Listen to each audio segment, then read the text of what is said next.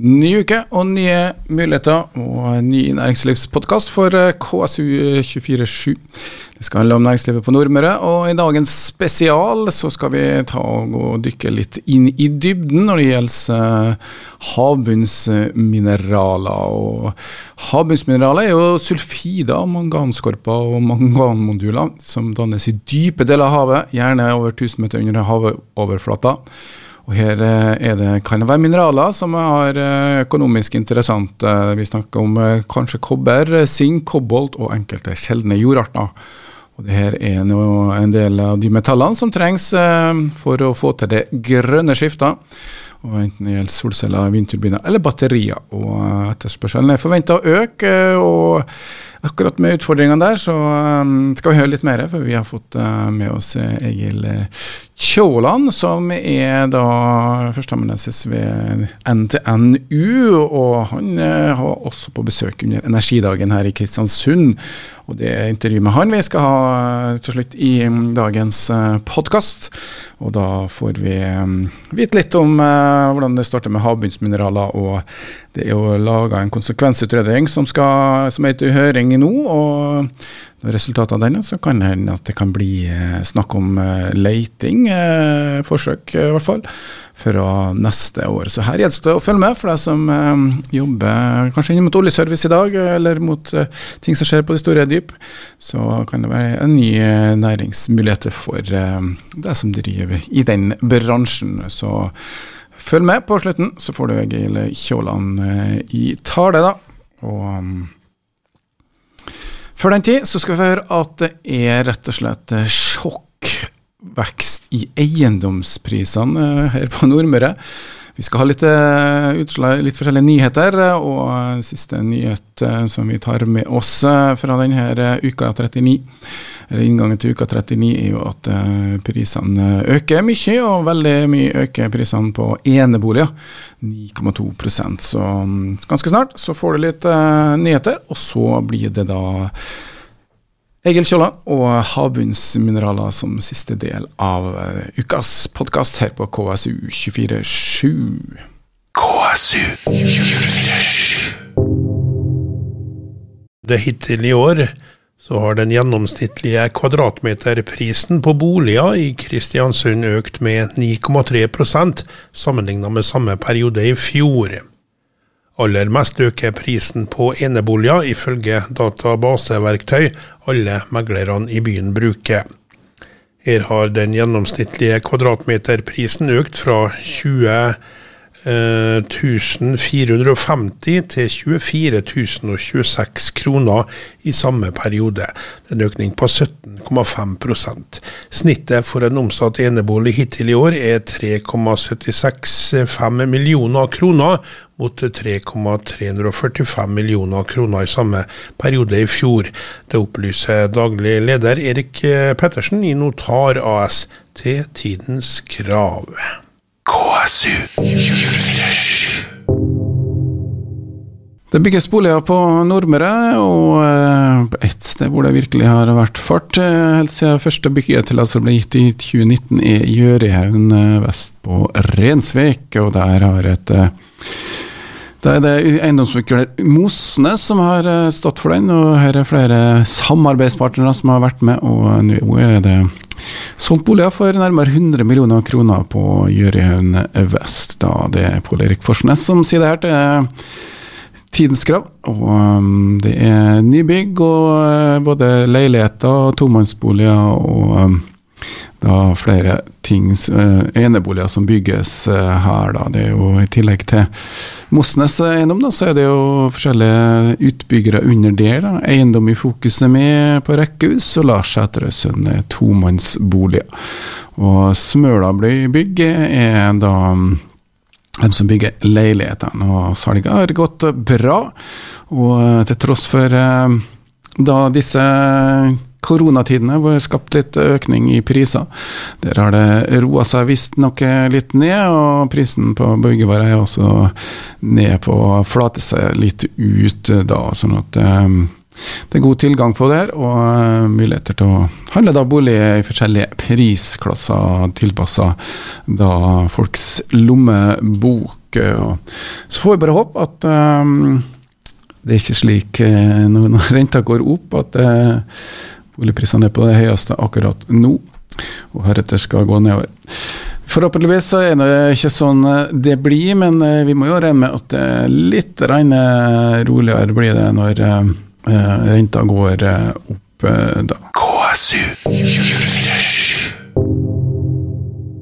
Næringslivet i Møre og Romsdal er på vei inn i en krevende høst. Det sier Espen Remme, som er direktør i NHO Møre og Romsdal.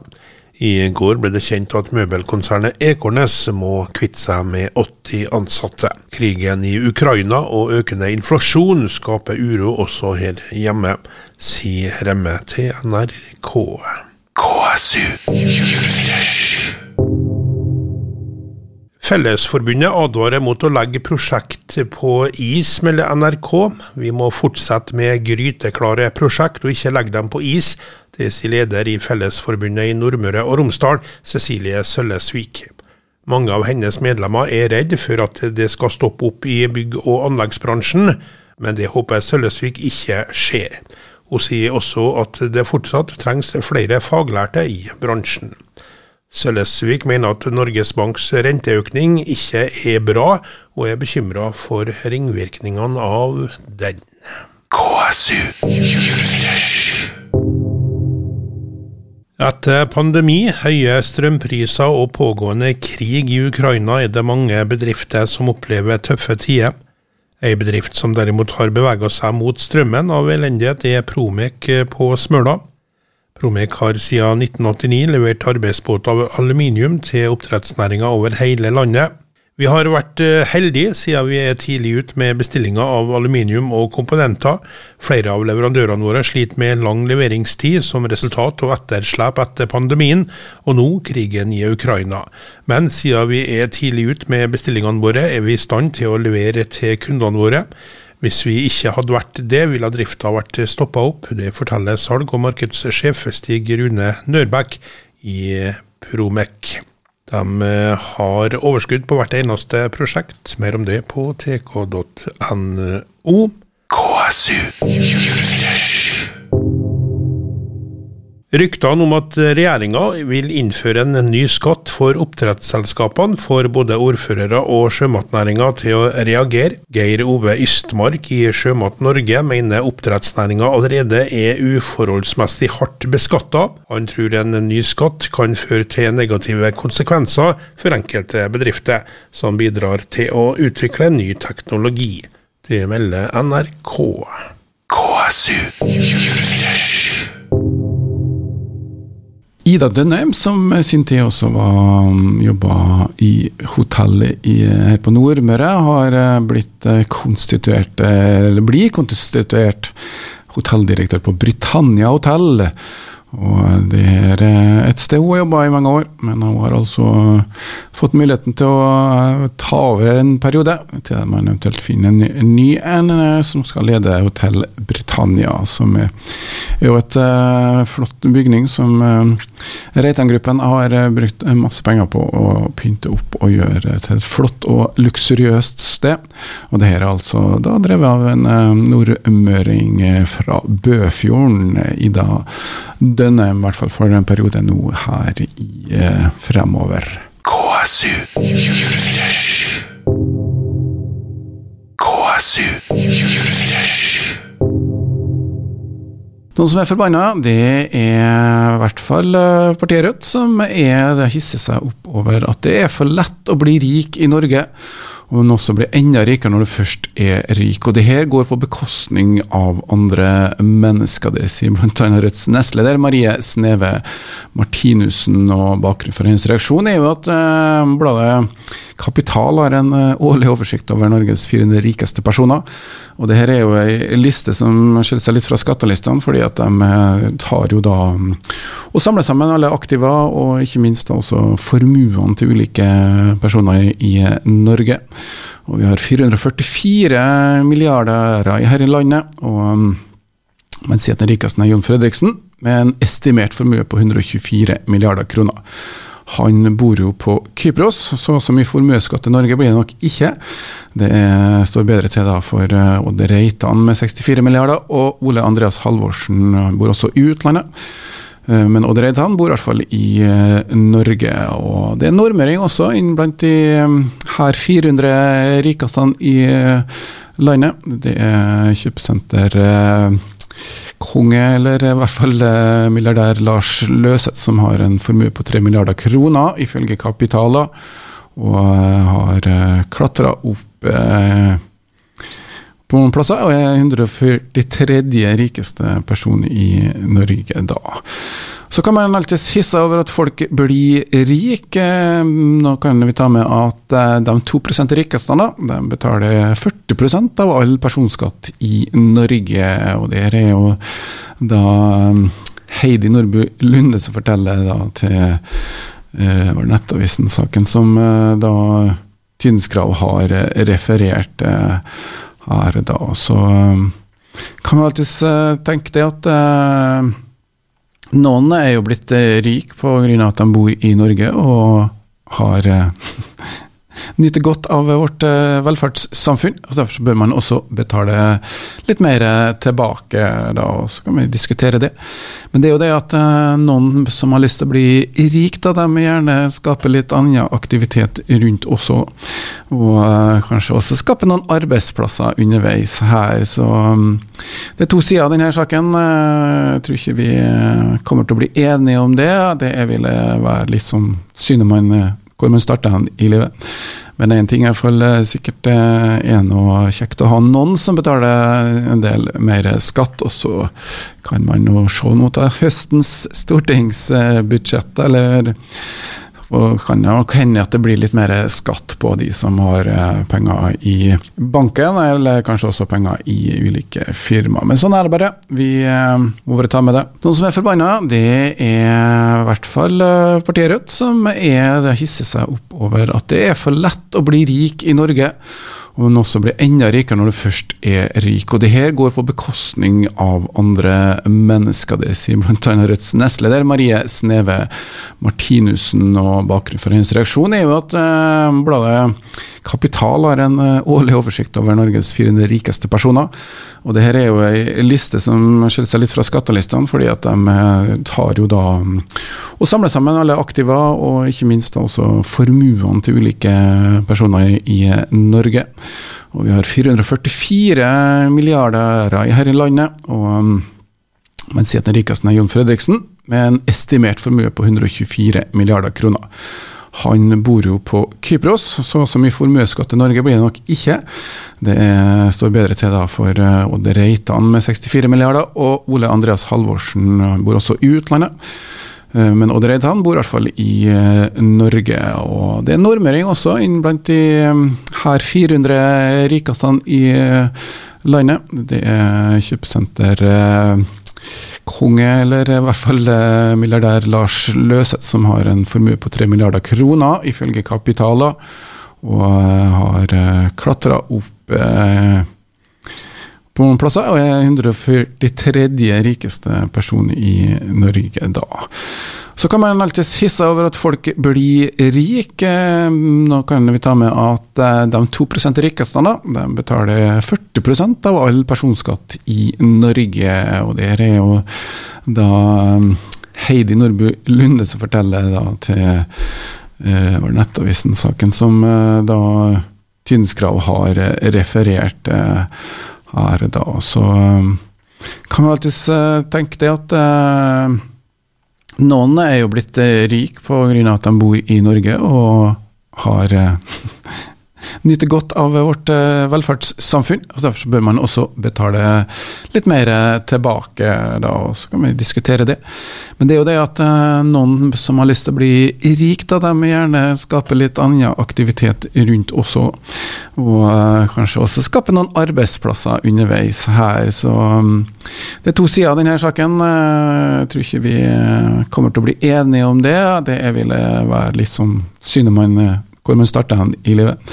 Men én ting er iallfall sikkert er noe kjekt å ha noen som betaler en del mer skatt, og så kan man jo se mot høstens stortingsbudsjett, eller og kan nok hende at det blir litt mer skatt på de som har eh, penger i banken, eller kanskje også penger i ulike firmaer. Men sånn er det bare. Vi eh, må bare ta med det. Start uka på KSU247 med mandag morgen klokka sju.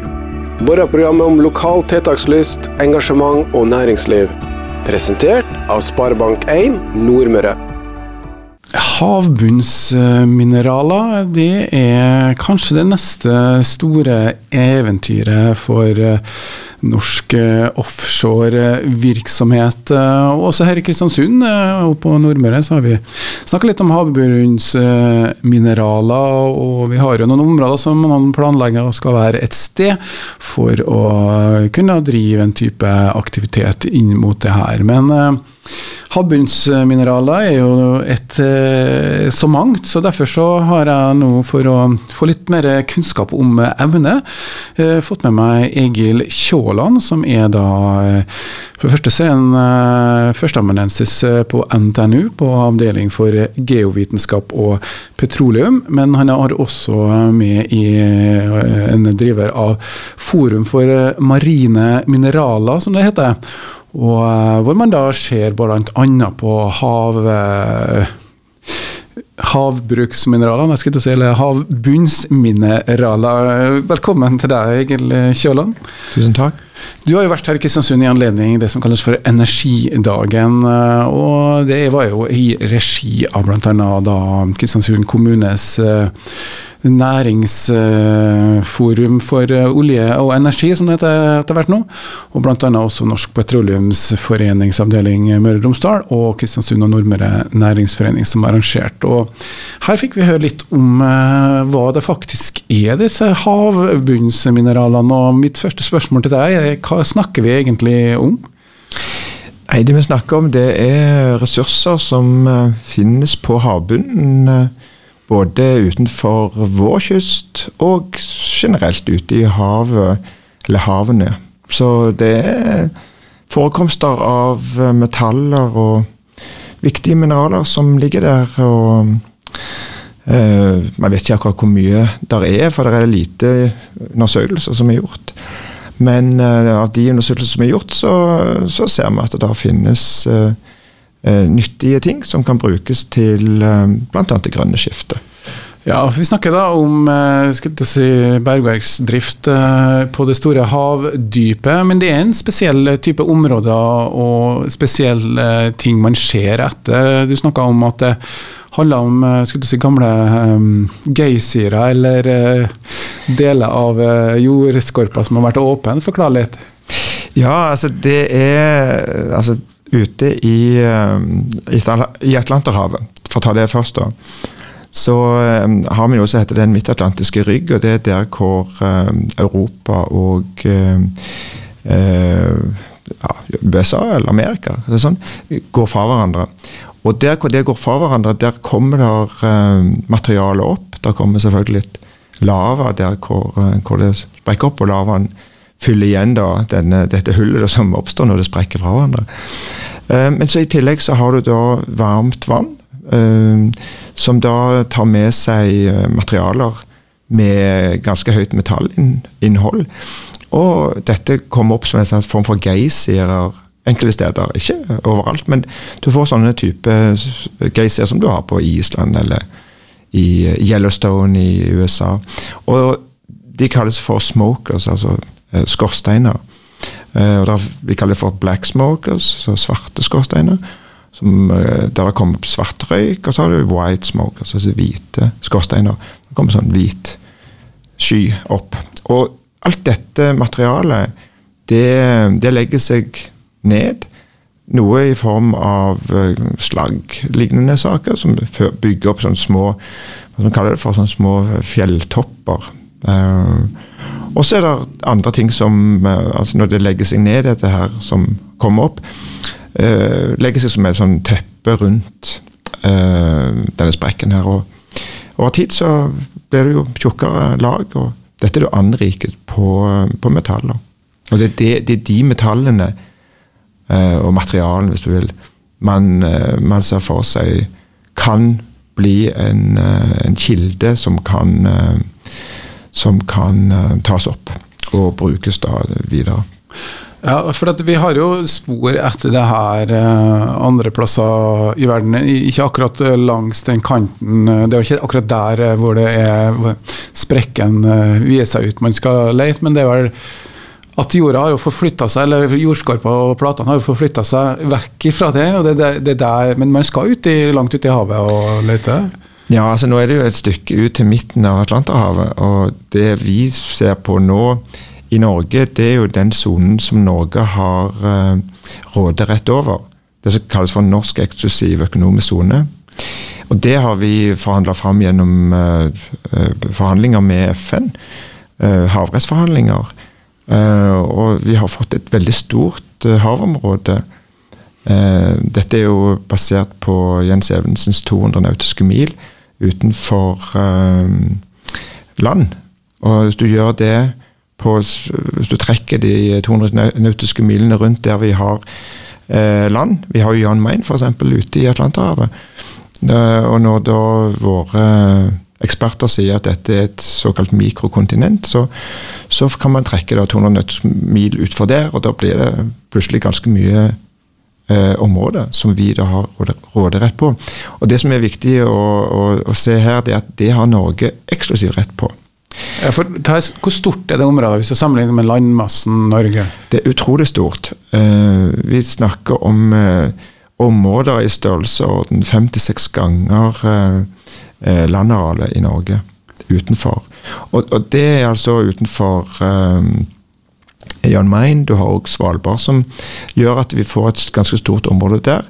Og eh, det, det er et særdeles betydelig område. Et av de største områdene som noe land har råderett over. Vi har også noe i Antarktis-området?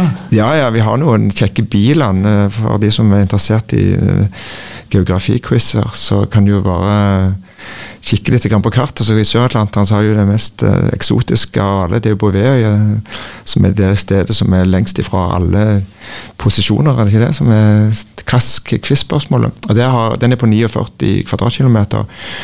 Eh, stort sett is. Eh, det var litt land, jeg vet ikke hvor mange prosent. Men det er ikke mye. Og der er det altså 460 000 kvadratkilometer, og vi har råderett rundt den.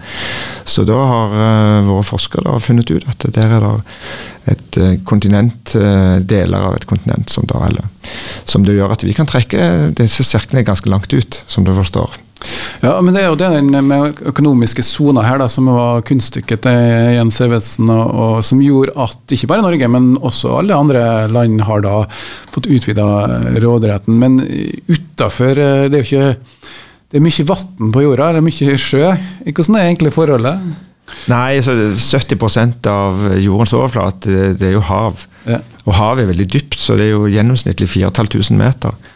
Eh, Så det er, som, det er hav, en havplanet vi egentlig bor på. Det var at Vi tenker ikke så mye på det, kanskje. Men hvis du, du kan jo snu globusen og se på stillehavsbiten. Det er ganske stort. Nei, så Det som da skjer, er at uh, alt det som ikke uh, Altså det som er utenfor de 200 nautiske milene, det er da internasjonalt farvann. Og det, det rådes, eller det, det er det FN som har eh, råderett over. Så det er på en måte vårt, eh, vårt felles. Men FN har kommet ganske langt i skulle du si, Eller hvor langt er de i prosessen med å kunne Ja, altså FN de har uh, nedsatt en uh, eh, kommisjon, eller et, noe som kalles for International Seabed Authority, havbunnsmyndigheten. og Det holder til på Jamaica.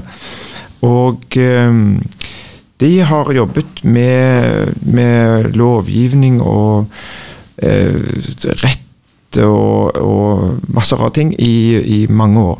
Så i, når de holdt på De har tillatt at de har hatt eh, letelisenser gitt i de, eh, siste 20 årene ca. Så det er gjort ganske mye leiting, og da er det ikke et av disse tingene jeg nevnte nå. Det er stort sett eh, Ja, det kan være det òg. Altså, eh, det jeg snakket om nå, med de geysirene som kom opp, det, de kalles for uh, sulfidavsetninger. Svovel, eh, metallforbindelser. Uh, og så har du det andre slagget, som jeg sa, det kalles for type manganskorpe. Eller ja, polymetallisk manganskorpe, kalles det for. Men så har du noen sånne, noe som kalles for um, noduler, altså knoller. eller små potetstørrelsesmateriale du finner ute i stort antall ute i det dype havet. Uh, og det er et av de stedene som um, utenfor, mellom, mellom Mexico og uh, Hawaii det er et stort område som uh, ISA, altså internasjonale havbunnsmyndigheten, har gitt uh, letelisenser til. Og det, det, er et svært område. Et kolossalt stort område. Jeg har ikke det i hodet, men kanskje et par millioner kvadratkilometer. Jeg er ikke helt sikker.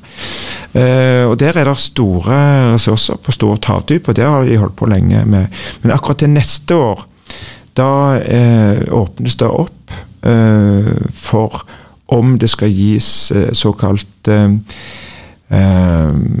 produksjonslisenser. Dvs. Si at vi skal begynne faktisk å utnytte dette her. altså, nå, nå til nå leter man, men da kan man faktisk begynne å produsere. Det heter exploitation, altså utnyttelse av ressursene. Det skal de avgjøre. Men det er ingen eh, enkel eh, prosess i FN-systemet? Nei, det er komplisert, for FN krever såkalt konsensus. Det Dvs. Si at de 168 landene som da sitter i dette rådet, der Norge er en av de, skal da komme til enighet om hvordan dette skal gjøres. Men satt, de er satt under press nå. De må komme med en, eh, en eh, uttalelse, siden det er et, et, firma som heter The Metals Company, som da har gått sammen med en øystat, Nauru. Og de har da satt Eh, hele organisasjonen under press til å komme med en uttalelse. Og Vi vet ikke helt hva som skjer. Hvis ikke de kommer til enighet, så er det jo en mulighet for at da er liksom fritt fram for alle å gå ut uten at du har denne overordna eh, kontrollen som da FN har her. Jeg regner med at de kommer med en, eh, en uttalelse eller en beslutning på dette. Men dette er altså innenfor De har kommet et skritt lenger enn Norge.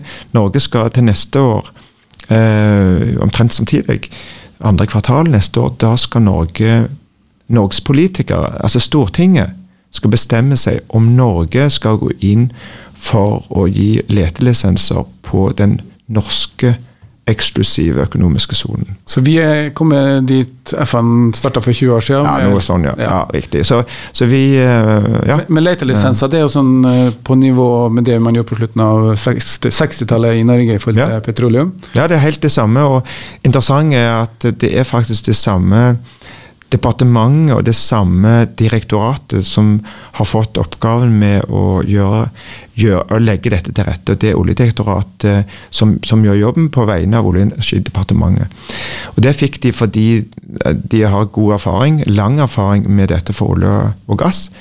Og uh, de har nå jobbet med en uh, høringsprosess. Uh, altså en en, en, prosess hvor man har åpnet opp for at alle skal komme til orde for uh, innvendinger, råd osv. Uh, og dette holder de på å sluttføre nå. De har holdt på siden 2020. Da skal det komme en rapport, og den skal da legges fram for Stortinget, som igjen skal avgjøre om dette er noe som Norge skal begynne med. Dit er vi kommet. altså sånn I administrative um, byråkratiske og noe også da demokratiske prosessene som da politikerne skal ta stilling til. Så selv om måte, Norge ligger litt bak FN i forhold til leting, så ligger vi ganske langt foran i forhold til at vi kanskje ikke er så uenige, og ikke trenger vi mer enn et flertall heller i Stortinget. Men det vil jo skape diskusjoner også her i, i Norge i forhold til om man skal utvinne disse havbunnsmineralene? Ja, Det er neste prosess. Så hvis du sammenligner med det du nevnte i Nordsjøen, så ble det gitt uh, leite altså egentlig Samme prosessen som skjedde etter 59-60, så drev uh, Norge og forhandla om å finne ut hvem som eide hva i Nordsjøen. Det var da Jens Evensen og, og, og, Norge jobbet med å få til Det ble jo midtlinjeprinsippet som, som ble da beslutningen. Vi delte på en måte kakestykket jevnt mellom landene som grensa mot Nordsjøen. Det var sånn det ble. Og så, i 62, så åpnes det opp for uh, leiting med det som vi kjenner i dag, med lisensblokker og lisenser uh, gitt fra eh, Oljedirektoratet, eller Olje- og energidepartementet. Og så, i 65, ble det åpna for eh, eh, produksjon. Så det gikk ganske fort. altså Fra 62 til 65. ja. Det, først leting, og så, og så for drift, eller, eller de begynte å, å, å men det tok, litt, tid, tok litt tid før man fant uh... Nei, det, det, gikk veldig fort. De fant det første oljefeltet omtrent samme, samme år. Det var det at det ikke er kjent. Det, de fant olje på andre vann eller noe slikt. det var Balderfeltet. Ja, det, det, er riktig, det. Ekofiskfeltet er det som, er, som vi forbinder med det første funnet, lille julaften 1969. Det, det som står i historiebøkene. Ja. Og produksjon i 71 og alt dette. Ja, ja, men det var faktisk eh, Det var funn på en av de aller første brønnene. Det var det som heter Balderfeltet. Men det tok veldig mange år før de klarte å finne ut om det var drivverdig. Ja. Fordi det var ganske komplisert, uh, dette. Så det, det, de spøkte litt med at det var sånn 18 hull, uh, hull Ikke akkurat golfbane, men det var 18 hull tror jeg, før de bestemte seg. Nå har de nok informasjon til å begynne å produsere dette. Så, uh, men det var funn det var funn nesten med en gang. Ja. Og alt det her starter jo gjerne med geologiske undersøkelser, og det er vel kanskje der man skal, kanskje skal begynne nå, da, hvis det blir satt i gang leite eller er det allerede kommet i gang med geologiske undersøkelser? Det, ja, det, det, er helt rett. Du er nødt til å ha en, en uh, forståelse av hva som er der ute, før du kan begynne noe som helst uh, arbeid. Det gjelder ikke bare geologien du skal vite om, men det er òg miljøet. Du skal òg ha en miljøundersøkelse for å finne ut hva som finnes der av sårbart liv. Så, så du kan si at uh, leting, altså exploration som det heter så fint, uh, må først gjøres. Og det er gjort mange undersøkelser ute i de områdene vi snakker om nå. Universitetet i Bergen har holdt på med dette siden ja, slutten av 90-tallet. Eh, mangfoldige tokt ute med, med undervannsubåter, sånne, sånne, små undervannsubåter, og, og, har kartlagt veldig mye. Så har i de siste årene, da det ble bestemt at Oljedirektoratet skulle skulle få jobben med å kartlegge ressursene der ute i, i eh, påvente av en slik prosess som jeg nå nevner, eh, så har de vært ute på forskningstokt. Eh, både gjennom, sammen med universiteter og, og, alene. Så det er gjort en del, en del tokt nå. Jeg tror de har det, det fullførte det siste nå, eller ja, nå, nå nettopp. Uh, så, så, så, det gjøres en del, men det er stort område som nå er ute til høring. Det området vi snakker om nå er på 560 000 kvadratkilometer. Det er altså en bit av den norske eksklusive sonen, men det er den biten, eller den delen som geologene da mener er mest interessant. Uh, og um, det, det er det vi snakker om nå. Det er den som da eventuelt blir da lagt ut med, med blokker og lisenser, hvis Stortinget da bestemmer seg for å gå inn for å, å åpne. Det er jo eh, gruvedrift eh, under eh, havets overflate, og på ganske store dyp det er snakk om. Det er jo kanskje en, en grunn til at man gjør det her på havbunnen, fordi vi er jo altså, Du kan jo ta deg først. Hvilke type grunnstoffer eller rett og slett metaller er vi på jakt etter? Det er noen ting som er veldig ettertrakta, som man kan finne der, som du nevnte? Ja, Når det gjelder det som man driver, eller det man ønsker å drive gruvedrift, som du sier, eller på, på så er det jo på viktige kritiske mineraler, som vi kaller det for. Og Det er de som du trenger i uh, industrien. Og akkurat nå så er det um, behov for en del veldig viktige materialer i forbindelse med bygging av uh, vindmøller, solceller, batterier til elektriske biler osv. Og, og da er det jo F.eks. på batterisiden så er det jo kobolt, som vi vet det er stort behov for. Det kom ut en rapport nå fra Det internasjonale energibyrået eh, i mai i fjor som sier at hvis vi nå skal oppfylle det som de aller fleste politikerne rundt i verden sier ønsker, det å få en elektrifisert bilpark med 60% globalt fullelektriske biler innen 2030, så, så kreves det en stor mengde flere eh, eller større produksjon av viktige materialer til dette.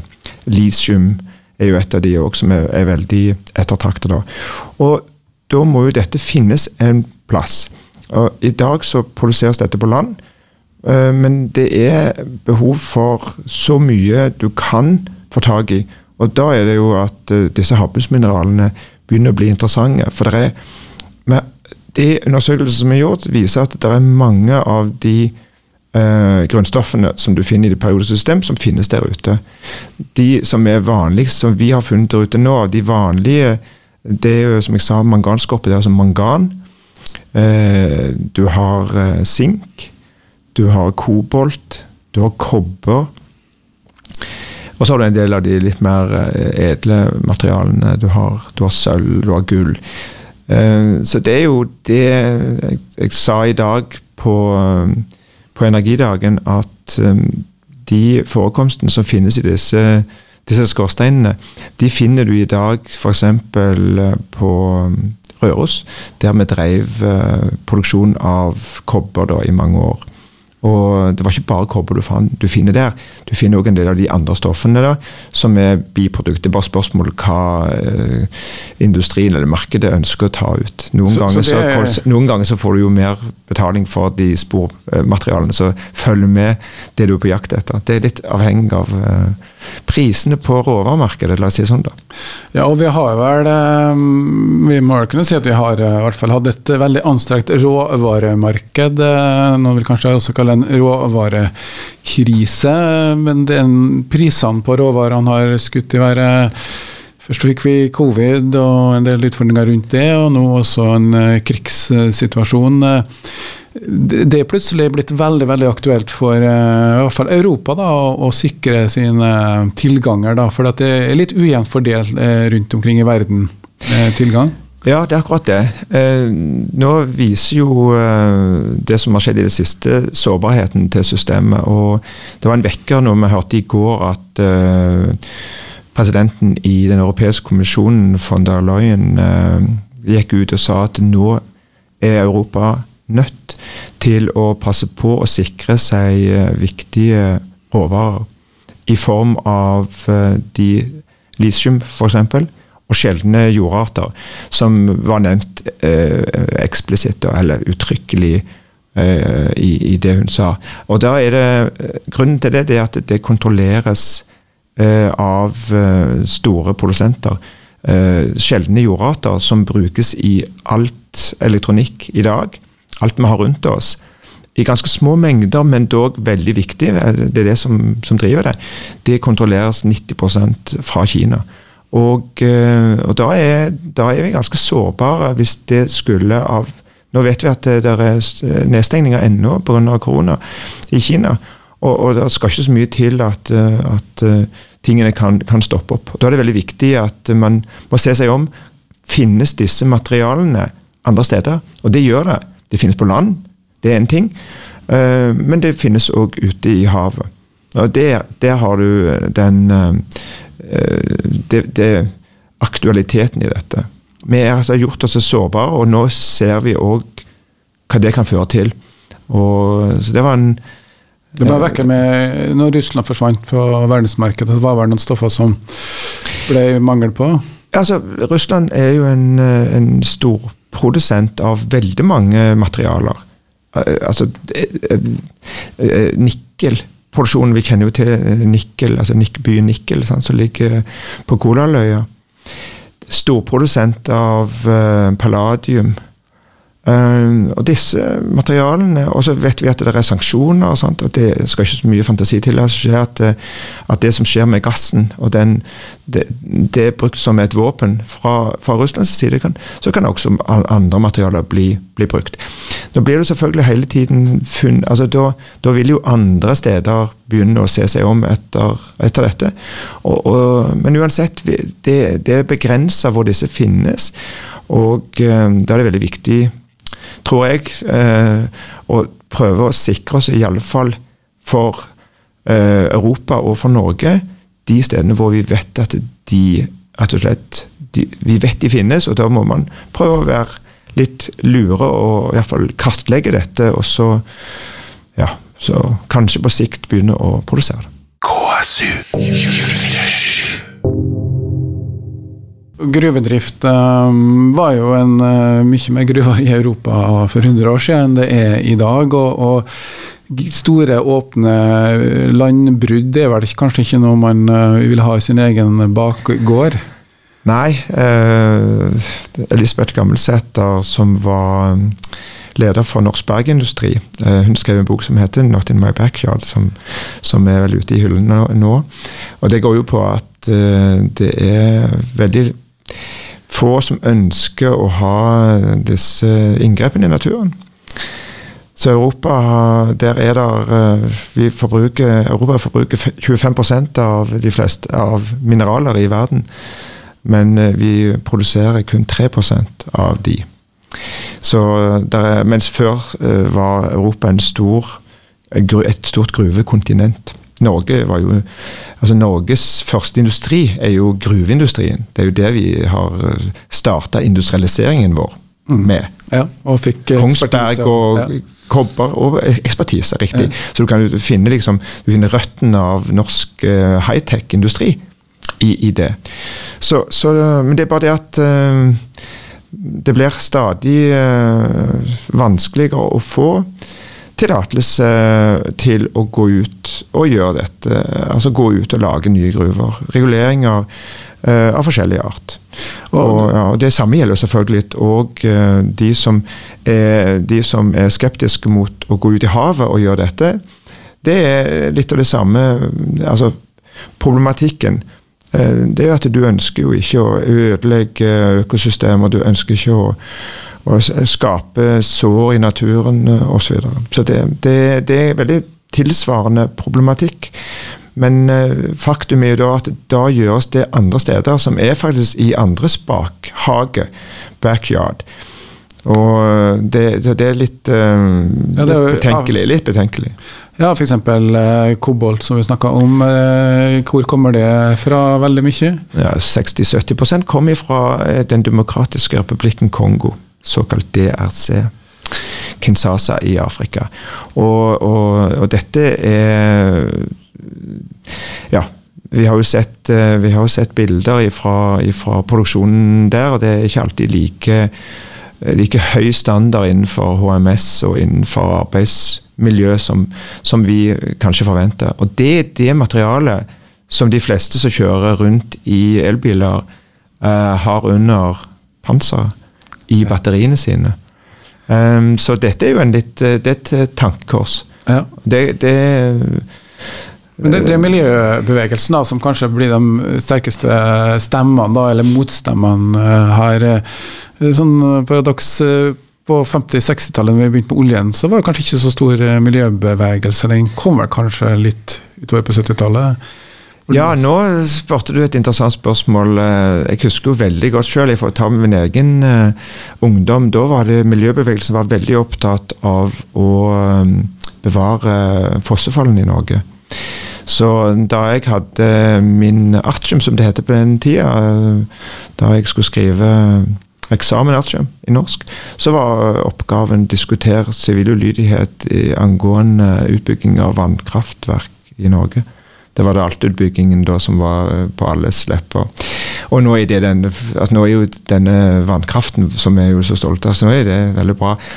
Og nå kan du si at um, den prosessen Jeg vet ikke når det begynte, og hva som var før det, men alle de skeptiske stemmene tror jeg har hjulpet til at vi får en veldig god diskusjon. Og at vi får faktisk en bedre form for industri enn hvis vi ikke hadde hatt den diskusjonen. Så jeg er egentlig glad at vi har den diskusjonen. Det, det, vi blir bedre av dette. Så det som er det store spørsmålet, som noen kaller dilemma, det er jo at vi må jo ta en beslutning òg. Og det er heldigvis, i et demokrati som Norge, så er det politikerne våre som tar de vanskelige valgene. Og Derfor er det veldig viktig at vi da finner ut mest mulig, diskuterer mest mulig. En høringsprosess som nå er i gang på dette, er veldig sunn, for da får alle en stemme. Og så blir det egentlig bare opp til våre folkevalgte å ta den bestemmelsen. Og det er noen ganger vanskelig. Skal du gjøre det, skal du ikke gjøre det? Ja, det er jo eh, akkurat det. Å se langt inn i kula, det greier man jo til en viss grad. Men nå snakker vi om en første fase hvor man faktisk får kartlagt litt detaljert. Eh, nå har det jo vært kunnskapsmiljøene og universitetene som har litt oversikt. Eh, etter hvert så kan det hende at det blir en egen industri som seismikk og sånne ting som bygger seg opp rundt det her. Men det er liksom nå toget begynner å, gå litt for denne type aktiviteter. Ja, det som nå skjer er at mange av de eh, selskapene som nå arbeider med leting etter olje og gass, altså typisk seismikkselskap, eh, mange av serviceselskapene som eh, jobber innenfor olje og gass, de eh, snuser på dette. Det vil si at de, de ser dette har potensial. For det, det, er en stor klode vi bor på. Og det er ikke bare utenfor Norge dette, dette skjer. Altså, det er et stort potensial for kartlegging. Og hvis vi tenker oss at den kartleggingen som må til for å kunne ta endelig beslutning om, om uh, drift, den kan ta noen år. Og da er det gode forretningsmuligheter for de å gå inn der. Og um, jeg ser at uh, i, i, tillegg til å ha de selskapene, så har du òg rene Altså Selskap som går inn på ren produksjonsplanlegging framover. Altså, du setter i gang en prosess som gjør deg i stand til å ha en posisjon når det eventuelt skulle åpnes opp. Det være seg leting, det være seg produksjon. Så, så vi ser en voldsom bevegelse i Norge. Og Det er veldig interessant at uh, Norge er så langt framme på dette. Uh, jeg er helt sikker på at inspirasjonen for det som skjedde med olje og gass, er det som driver mye av dette, både på investorsiden. Altså, du, du, ser jo at et land kan komme med null kunnskap om olje og gass på 60-tallet, i begynnelsen av 60-tallet, til bare et, et par tiår senere å være verdensledende på, på, det meste innenfor denne bransjen. Så, så det er, er, mye talent der ute. Mye innovasjonsvilje i Norge. Mye kompetanse. Høyt utdanna befolkning. Eh, sultne, merkelig nok. Ennå vi har så mye i banken. Ja, men eh, nei da, det, det, det er jo veldig interessant, og, og, vi ser jo um, Selv om noen nå da utsetter olje og um, alderen litt uh, lenger, så er det jo, det jo, kan ofte være for kystsamfunn da, en alternativ vei. Kristiansund tenker nok sikkert helt sikkert eh, slikt. Det er jo ikke noe du styrer med, men det, det er jo arbeidsplasser det er snakk om eh, rundt om eh, langs Norges eh, kyst, kanskje også? Ja, hvis du ser bare på de helt enkle forholdene Hvis det nå skulle bli eh, arbeid ute i Midt-Atlanteren, så må du jo ha et, eh, et, beredskapssystem. Altså, Du må ha en redningstjeneste. Det er langt ut der. I dag så er det på noen steder altså, Da er det jo type Svalbard, Jan Mayen, eh, kysten av Norge. Det er jo Sola, og så er det ja, eh, jeg vet ikke, Hammerfest, eh, som er mulige helikopterområder. Eh, så er det supply-baser. Mm. Eh, som du har her i Kristiansund. Jeg kommer sjøl fra Sola, og der er det jo supply-base. Sånn at du finner veldig mange av um, de tingene som skal til. De må du ha et sted, og de må lokaliseres et sted. Og Da er det selvfølgelig et uh, muligheter for uh, mange steder langs kysten til å ta del i dette. I, i sin del av denne verdikjeden som, som da kommer. Så det er nok lurt, hvis man ser det tilbake på oljealderen. Mange av de, de, som gjorde de smarteste valgene, de tok noen tidlige grep som gjorde seg i stand til å komme i en posisjon som det nå blir noe av. Så ble det jo uh, god business. Jeg, du hører jo på dialekten at uh, jeg refererer jo da til uh, Sola og Stavanger, som da kommer fort inn der. Uh, ja, det var jo fortalte meg fortalte jo at du gikk jo på NTNU for uh, å skulle bli oljeingeniør, eh, kan man si så, så, på spissen, eller? Ja da, det, det, stemmer det. Og jeg begynte jo på det som heter Berg A. Det heter Berg A-studiet. Eller bergstudier var det egentlig, for det var en av de første studieretningene på NTH. NTH er grunnlagt i 1910. Og, og, da var det en av de første det, altså, Da var jo bergverksindustri en av Norges nøkkelnæringer. Og da var det en av de første Altså det var det og elektrisitet, altså elektrolinje, og så var det maskin, og så var det kjemi, som var noen av de første som begynte. Så eh, jo da, så da var det, da var det i 1986. Da var det stor stemning. Eh, jeg begynte der, og alle vi ville begynne på olje. Ikke alle, men mange. Uh, nei, nei, unnskyld, sa jeg 86? Jeg sa 82. I 82. Og da vi gikk ut i 86, sånn var det. Da hadde selvfølgelig oljeprisen falt under ti dollar fatet, og ingen jobber å få. Så, så vi, ble, vi, ble, fort klar over at det er en viss syklisitet i, i dette opplegget. Men um, igjen så så er det det å utdanne seg innenfor uh, den uh, spisskompetansen som trengs til enhver tid. Da var det å utdanne petroleumsingeniører, og så var det å utdanne petroleumsgeologer og geofysikere. Jeg ble da en petroleumsgeofysiker i det tilfellet. Ja, og, og når vi begynte med oljeutvinning av produksjon 1970, eh, så kosta ikke så mye for en eh, Fikk ikke så mye for oljen. Nei, det var jo uh, under Det lå på en dollar, opp mot to dollar fatet. Det har det gjort siden, siden 1870 eller noe slikt. Det, det, lå, det lå fluktuerte der. Så det var egentlig bare noen få plasser hvor man kunne egentlig tjene ganske gode penger på olje. Det var jo typisk i Midtøsten og ja, USA osv. Med store, svære eh, oljefelt. Og så kom eh, geopolitiske rystelser. Eh, vi husker jo Vi husker jo kong Olav som tok trikken i Oslo etter at det ble mangel på bensin. 1973. Ja, dette var etter, etter, at OPEC da hadde brukt uh, oljevåpenet. Så det vekker jo visse sånne assosiasjoner til det som foregår i dag. Altså Du går ifra en uh, pris som er på uh, kanskje opp mot to dollar, plutselig i løpet av um, ja, I løpet av ti år da kom jo en revolusjon i Iran òg, så kom det òg inn og forstørret markedet. Så plutselig så er prisen 40 dollar. Så da vi begynte på studiet, så var det en 40 dollar fatet, og kanskje mer. Så da er det en økning, en dramatisk økning, kanskje en 20 gang.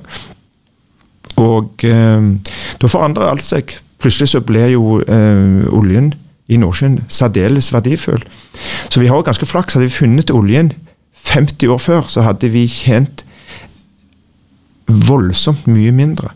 Kanskje til og med ikke det hadde blitt bygd ut. for det hadde, Så, så vi traff ganske godt, la oss si det sånn da. Så da vi fant oljen, la oss si Ekofisk, da, som du nevnte, i 69, så uh, tok det litt tid før det begynte å komme opp på produksjon. Men da økte prisen. Og da ble det verdifullt. Men Det var en så, krig eh, som var forut anledninga her også? Det var faktisk det. Så Det viser jo at de geopolitiske rystelsene det er ofte de som, eh, som trigger industri. Det er jo ikke uvanlig, det. Mm. Ja. Du kan jo spørre hvorfor eh, vi gjorde gode penger på, på kobberen fra Røros. Det var jo Hver gang det var en krig i Europa, så trengte de kobber til kuler og krutt. Og det siste gruva, Muggruva, den ble lagt ned i 1919 etter første verdenskrig. Da var prisen på kobber falt til ingenting. Råvarenasjonen Norge har alltid kjent på konflikter? Nei, Ikke akkurat nødvendigvis det, men uh, du kan si at vi har, Norge er kjent med syklisitet og, og på råvarer. Og, og det, er, det, er, det samme vi ser på nå. at Norge har vært uh, flinke til å utnytte de ressursene som finnes rundt oss. Men, men, vi er en del av det store geopolitiske bildet. Det var vi før, det er vi nå. Og så er det egentlig bare spørsmål om hele tiden å, å gjøre det beste ut av det som finnes. Og, og, gjøre det på en god måte. Og Det er jo det som jeg syns er kanskje et av de viktigste fortrinnene Norge har. Norge har eh, et voldsomt godt renommé. Vi er, har et godt renommé i verden. Eh, vi gjør ting på en ordentlig og ryddig måte. Og derfor Derfor jeg er veldig optimistisk på eh, det som går på å utvinne det vi måtte ha eh, på råvarer. Det gjør vi på en god måte. Det har vi gjort før. Eh, vi har en god demokratisk prosess. Diskuterer disse tingene. Sant? Tar det opp i, eh, til diskusjon, og, og, så gjør vi det på en god måte. Og der kan vi Der, der er vi um, altså Det er Norges største fordeler, vil jeg mene. Ja, og Samtidig som vi har et stort område vi kan begynne i. Mange land kikker på bunnsmineraler. Du nevnte da Europa, og det er stor interesse i ja, bl.a. Tyskland og Frankrike for denne type aktivitet? Ja, det er mange som ser på Norge nå, for nå ser de at Norge gjør, den, gjør denne eh, gode prosessen med å, å, å gjøre en, en slik uh, eh, høringsprosess og kartlegging, og vi har fått på plass en lov, havbunnsmineralloven uh, fra, fra, 2019.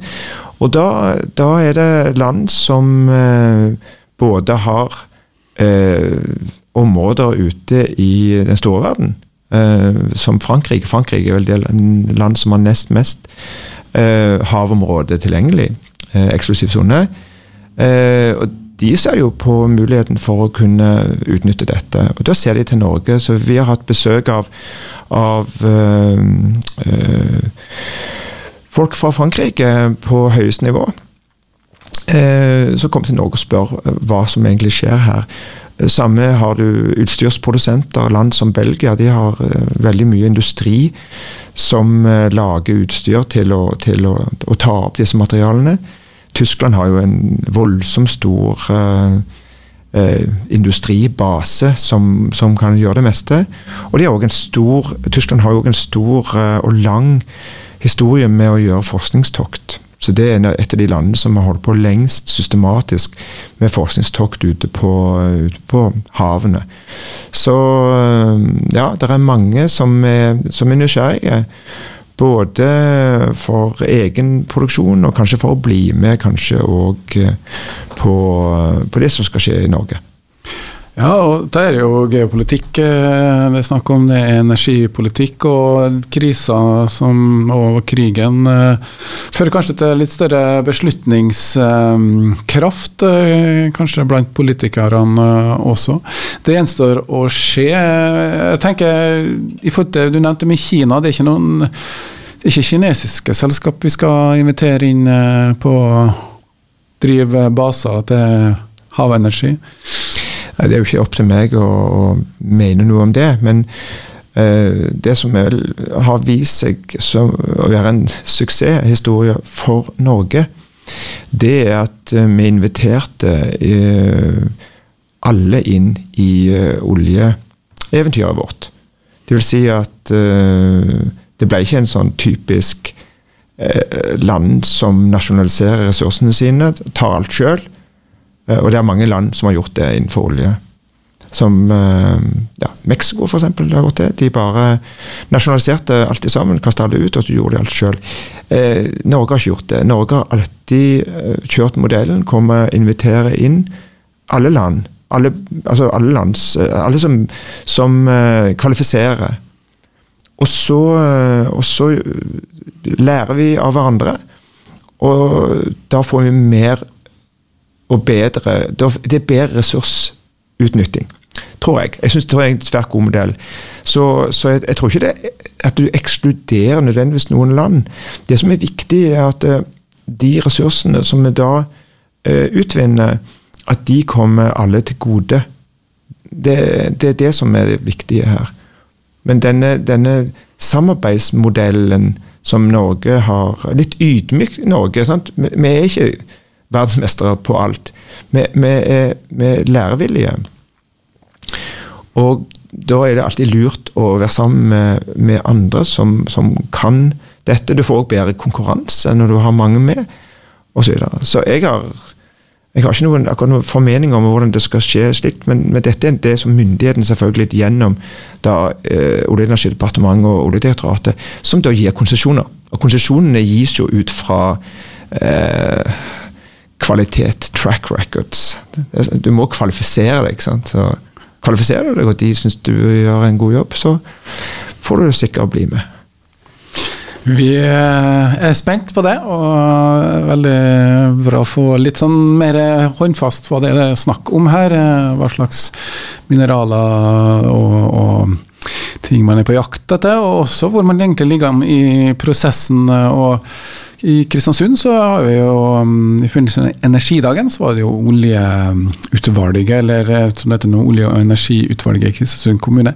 Og Det ble jo starta allerede i 1970, og, og jobber med da for å få på plass uh, oljebase og et sted å leite fra nordafor 62. breddegrad. Uh, og det fikk man jo til, men det tok jo kanskje 20 år da fra man satte i gang det arbeidet, til man så at det ble arbeidsplasser i litt større større monn enn det var til å begynne med. Så her er det muligheter som eh, dukker opp, og ikke minst da innenfor havbunnsmineraler. Et uh, område hvor man bør allerede nå begynne å tenke på, for det som industriaktør, og også da i forhold til kanskje hva du skal bli i, i livet, eller hvilken utdanning du skal ta. Tusen takk til Egil Kjåland. Veldig hyggelig å ha deg med, og det er godt å få kunnskapsbasen, eh, sånn at vi kan ta gode beslutninger basert på det, og ikke synsing fra hofta. Tusen takk skal du ha. Veldig kjekt å diskutere spennende ting. Det var ukas gjest og uh, ukas uh, podkast mot slutten. I studio, eller bak denne podkasten, står Charles Williamsen, som er mitt navn, da. Og um, jeg har også fast program mandag morgen og sju til ni. Det handler mye om næringsliv, og i tillegg til denne podkasten, som kanskje går litt i dybden og gjør litt andre ting. Så bare heng med.